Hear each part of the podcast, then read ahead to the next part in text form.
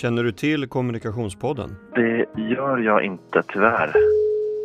Eh, Max Landeskog var det. Ja, nära på. Max Landergård. Lander... Vad gör folk för fel när de gör sina poddar? Ljudkvaliteten är väldigt viktig. Mm, ja, Inte jag. telefonare sen- som jag gör nu. Nej.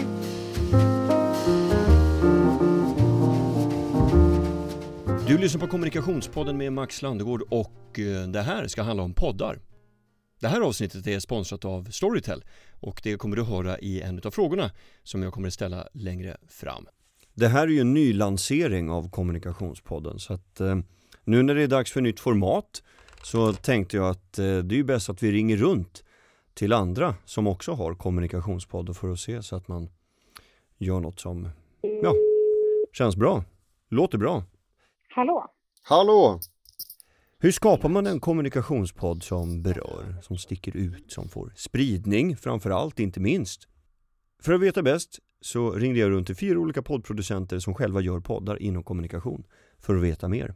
Syftet var egentligen att vi ville erbjuda våra kunder ett högklassigt innehåll.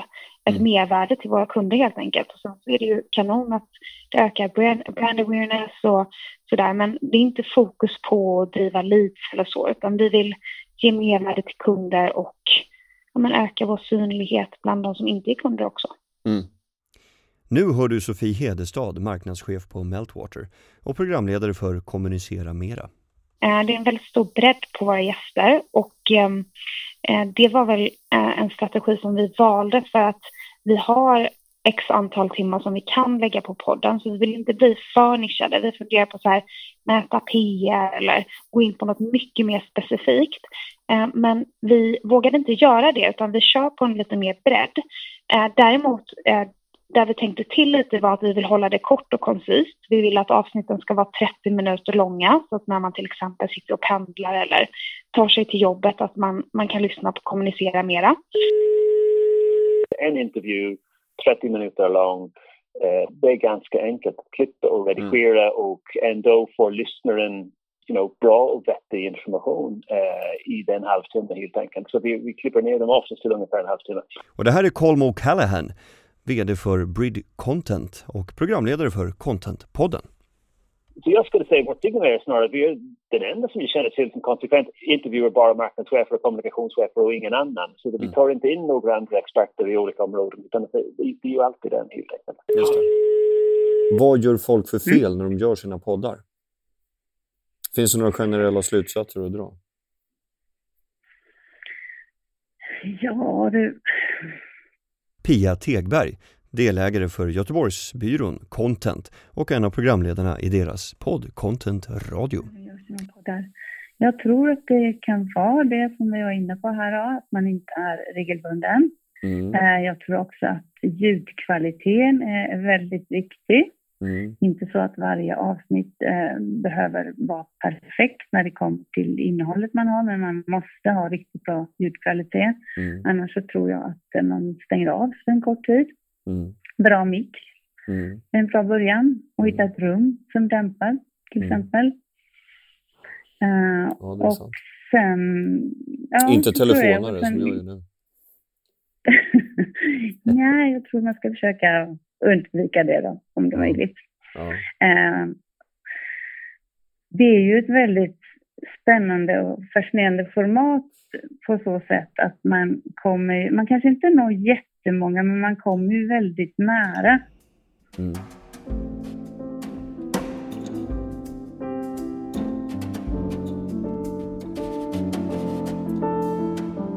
Och sen har jag kollat med en av Sveriges mest framgångsrika poddgurus om framtiden för poddar. Varför det till exempel är så många som säger att de lyssnar men ändå inte gör det och knappt vet vad en podd är för något. My God! Det här avsnittet spelas in med en Neumann 102. Jag har tre andra mikrofoner också. Och så här låter mikrofonen Aston Spirit. Och så här låter en iPhone-mikrofon. Jag ringde i alla fall runt till eh, fyra olika poddproducenter för att fråga hur de själva tänkt i utvecklingen av format. Vi börjar med Välkommen till Session. Eh, det var så att vi har länge kört massa seminarier. Och sen kunde jag plötsligt känna att samtalen innan seminarierna tillsammans med de här presentatörerna ofta gav mig mer än vad själva presentationen gjorde. För det var liksom ett avslappnat samtal om kommunikation. Och det här är Alexander Mason, eh, position och grundaren av Passion för kommunikation. Andra kommunikatörer, marknadsfolk, reklamare som lyssnar nu, som kanske själva har gått i poddtankar, hur ska de tänka? Eh, Du är ju veteran. Jag tror att man ska... Ja, jag tror ett, man ska göra det för att man verkligen tycker det är superkul. Mm. Vi testade och att göra podd var något av det roligaste jag har gjort. Så att då fastnade vi. Eh, och det tror jag lyser igenom. Vi intervjuar människor som vi tycker är intressanta. Och den andra biten är spridning. Ja, måste man hur gör ni där? innan.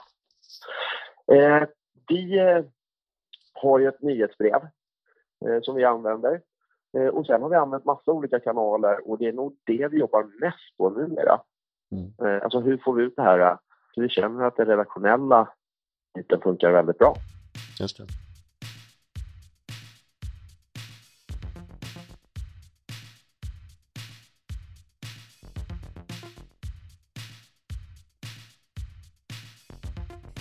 Okej, då går vi vidare. Eh, nu pratar jag förresten i en Sony PMC M10.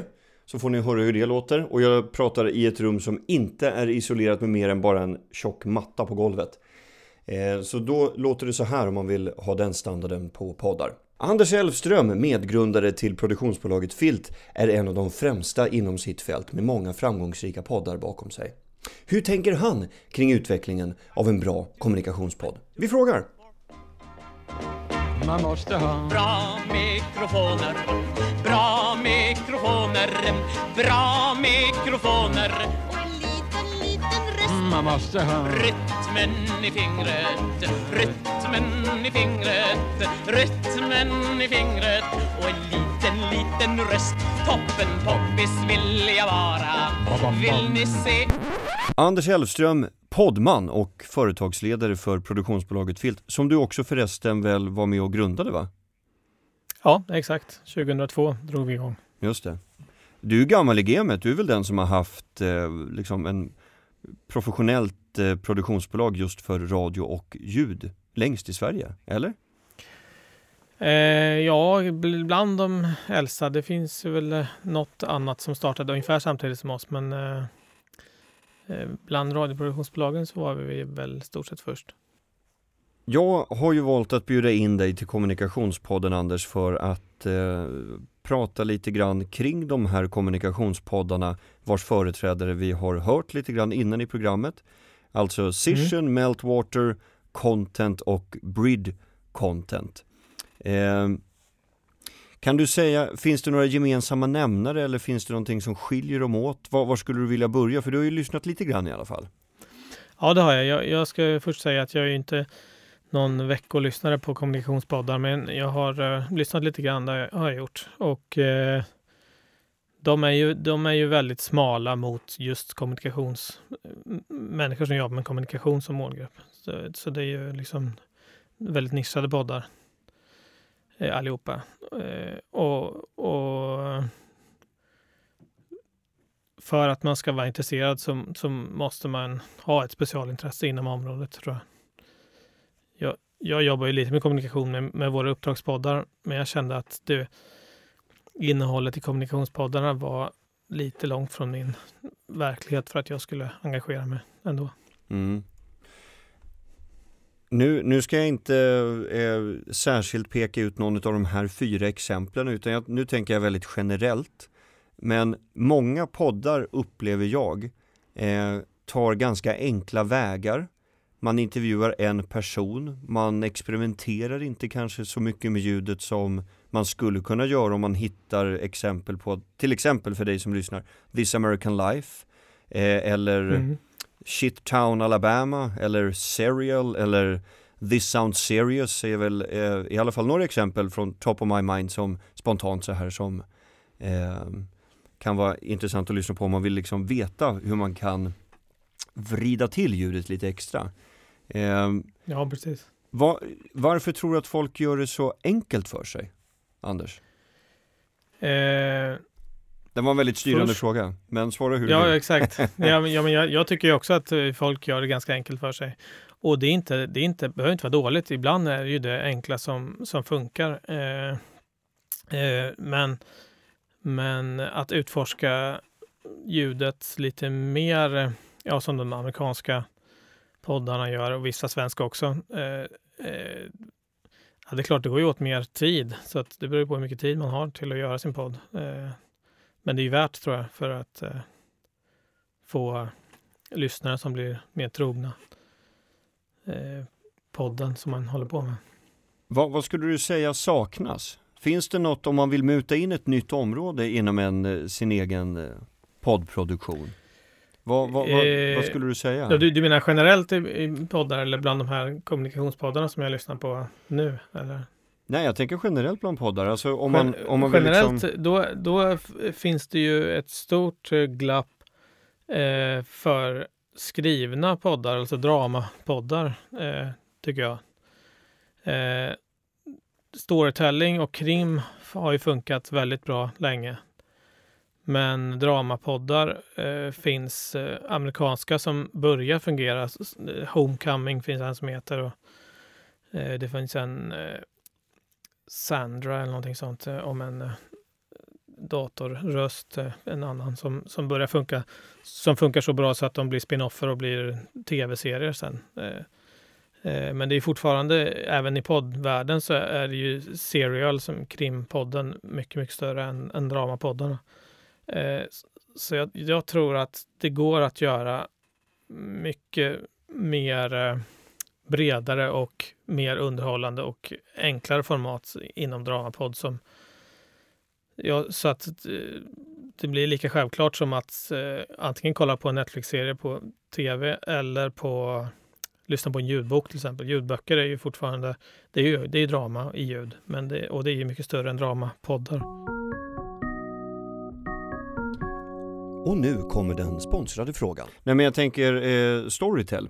De har eh, Twilight Zone eh, i sin, eh, sin utbudskatalog.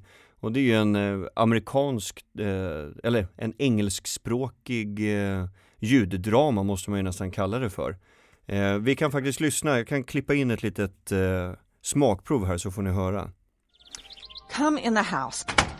I've got a bone to pick with you. Uh, what's wrong, Helen? Look at what I did to my hand. Ooh, what happened? I was cleaning the basement and I cut it on that stupid metal contraption you brought home yesterday. Oh no, the accelerator bracket. Uh, are you all right? Uh, do you need me to clean it with hydrogen peroxide? Or should we go to the ER? No, no, I finally got the bleeding to stop by myself. Ja, det där är från en, en liten berättelse som jag tar del av just nu på Storytel. Här kan man ju höra väldigt mycket hur de har jobbat med, eh, eh, vad kallas det, Foley va? Att du har ett rum fullt utav eh, ljudeffektsverktyg eh, och Ja, just skapa det. liksom en atmosfär. Du lägger på en massa ljud eh, i efterhand och liksom du sitter där vid ett bord och serveras vin och sådär. Ehm, men, men då är vi tillbaks just det här med tiden. Tror du att man, vilka uppdragspoddar skulle kunna tjäna bra som drama? Vad tror du Anders?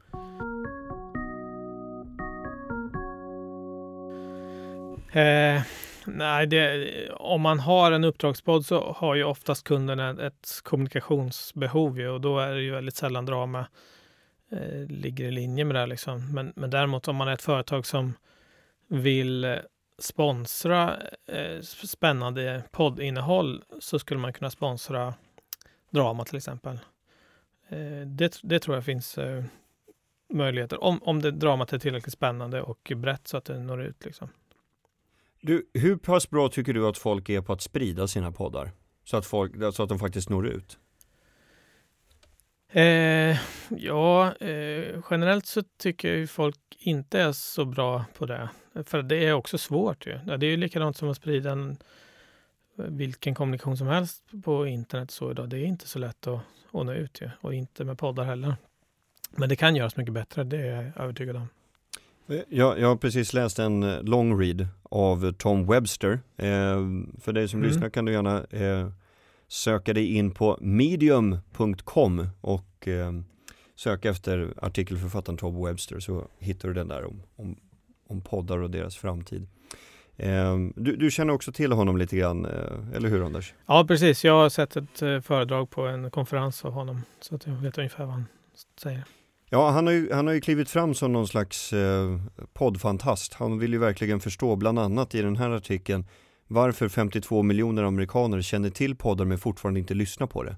Eh, och Webster menar att public service och kommersiell radio urvattnar varumärket för poddar genom att marginalisera poddar till vad han kallar för catch-up radio eh, och göra reklam för sina egna poddar som programmen som du kan lyssna på i efterhand. Va, delar du den bilden Anders? Mm, nej, det gör jag väl inte riktigt, men jag förstår vad han vill säga. Han, han vill ju göra podden som ett lika brett medium som vanlig linjär tv. Liksom att, eh, det är det ju fortfarande inte. Eh, men det är ju fortfarande så att de som söker sig till podd går ju ofta via eh, public service eller eh, NPR, National Public Radio i USA för att hitta in. Eh, för de får både liksom nyheter men även storytelling-innehåll därifrån. Men, och, och därifrån har det ju liksom spridit sig till massa eh, independent-producenter som gör spännande innehåll. Eh, men jag tycker inte att, jag tycker inte att, att, eh, att public service och de radiokanalerna står i vägen för, för det. Och, och, att, man, att man gör reklam för sitt senaste avsnitt eh, och, som Catch-Up Radio, det, det var ju flera år sedan. Nu är det ju många Ja men till exempel eh, SR, när, man gör någonting för P3 för podd, då är det ju podd först och sen så används eh, FM-radio som ett marknadsföringsfönster liksom för att man når flera hundratusen ofta. En eh, intressant fråga som man tar upp det är att just poddproducenter, för nu pratar vi lite grann spridning, eh, tycker jag i alla mm. fall, det är att poddproducenter mm. konkurrerar med fel innehåll. Eh, man pratar om, du vet, lyssna på poddar, ungefär som att titta på tv-serier. Och istället så ska man marknadsföra innehållet och det måste man måste se det i perspektivet av annat innehåll. Istället ja, för verkligen. att titta på Handmaid's Tale, lyssna på den här dokumentären om verklighetens Handmaid's Tale till exempel. Ja, precis. Och så är det ju. Där, där, tycker jag han är inne på en, en, ganska intressant sak. För där, där har det i alla fall känts historiskt som att vi har eh, jobbat rätt mycket i stuprör. Att man ser, man konkurrerar man ser det inte som att man konkurrerar om människors tid, vilket man faktiskt gör, utan man försöker hela tiden sätta sin egen produktion i paritet med andra produktioner. Ja, eh, ja, det, det, det, ja, det kan jag väl hålla med om. Eh, men det förändras ju väldigt fort. Eh, man, man ser ju de som, de som lyssnade på podd för några år sedan, det var ju liksom tekniskt intresserade, främst män i liksom 30-40-årsåldern. Men nu har ju liksom de största gruppen poddlyssnare flyttat ner till 20 till 30 och det börjar gå under 20 också. Eh, Youtube-generationen börjar ju lyssna på poddar liksom som Creepy-podden till exempel är ju jättestor bland unga tonåringar. Så, eh, så, att, så att man... Eh, med Jack och, Werner? Med Jack Werner, precis. En P3-produkt va? Som, men också finns tillgänglig som podd. Ja, precis. Det, det är ju en podd. För jag tror inte ens den sänds i Nej, just det, den började ju som podd ja. Ja, och sen exakt, så, så sändes den, eh, sen klev, klev den in på linjär radio under en tid. Tror jag. Ja, det kanske, det kanske sänds i linjär, men då är det en kväll, sen kvällstid, liksom, inte när P3 har någon st större lyssnarskaror, tror jag. Men så det, det är ju spännande och liksom, eh, nu är det ju liksom 50-50 på män och kvinnor som på poddar och och, och från eh, liksom 20 eller yngre upp till 40 och sen börjar det droppa ner ganska snabbt. Men i Sverige så är det ju liksom en stort sett en tredjedel av Sveriges befolkning lyssnar ju på podd varje månad. Så det, det är liksom ett mainstream medium på något sätt ändå. Um, hur tycker du då, ska jag för att liksom hitta en liten egen, eh, en egen ö på vilken jag kan bygga mitt nya poddformat. Ska jag alltså addera drama till kommunikationspodden? Nej, det skulle jag, det, det är nog ganska stort steg. Däremot så, så tror jag att uh, först så måste man ha ett direkt tilltal tror jag. Så att, för att när man, när man lyssnar på podd, då lyssnar man nästan alltid i lurar så att det, man talar till en person, liksom. inte till... När man lyssnar på FM-radio, då är det liksom jinglar och skrikigt och man ska försöka överrösta bullret i bilen. Men medan poddar är, är liksom en intim och eh, direkt kommunikation. Så man måste liksom anpassa sin ton på rösten och innehåll så att man når fram till, till varje lyssnare. Det tror jag är jätteviktigt och det, det tänkte jag på när jag lyssnade på de här fyra kommunikationspoddarna som, som du hade eh, eh tagit upp tidigare då i programmet. Att, att många av dem tänker fortfarande radio i huvudet det, det, det, känns som att de sitter lite på en scen och talar ut över ett hav av människor, liksom. eller broadcast-tänk. Liksom.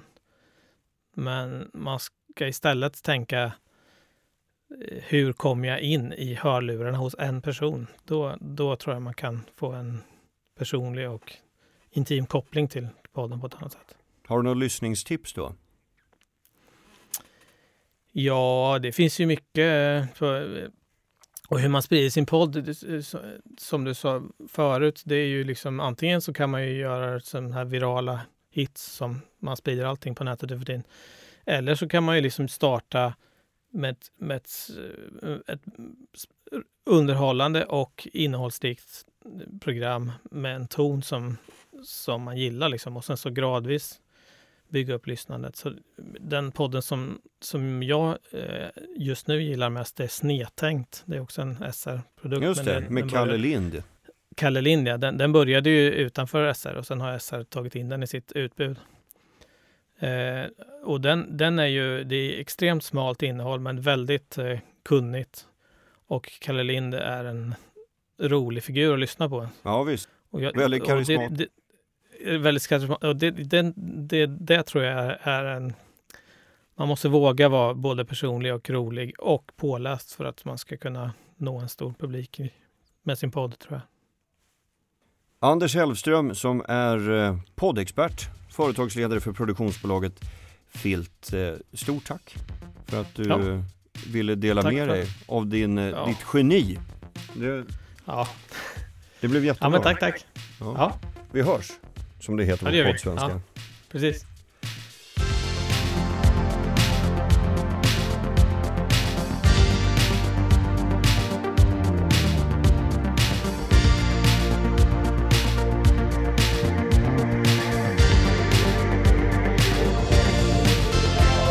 Du har hört Kommunikationspodden om kommunikationspoddar, Supermeta.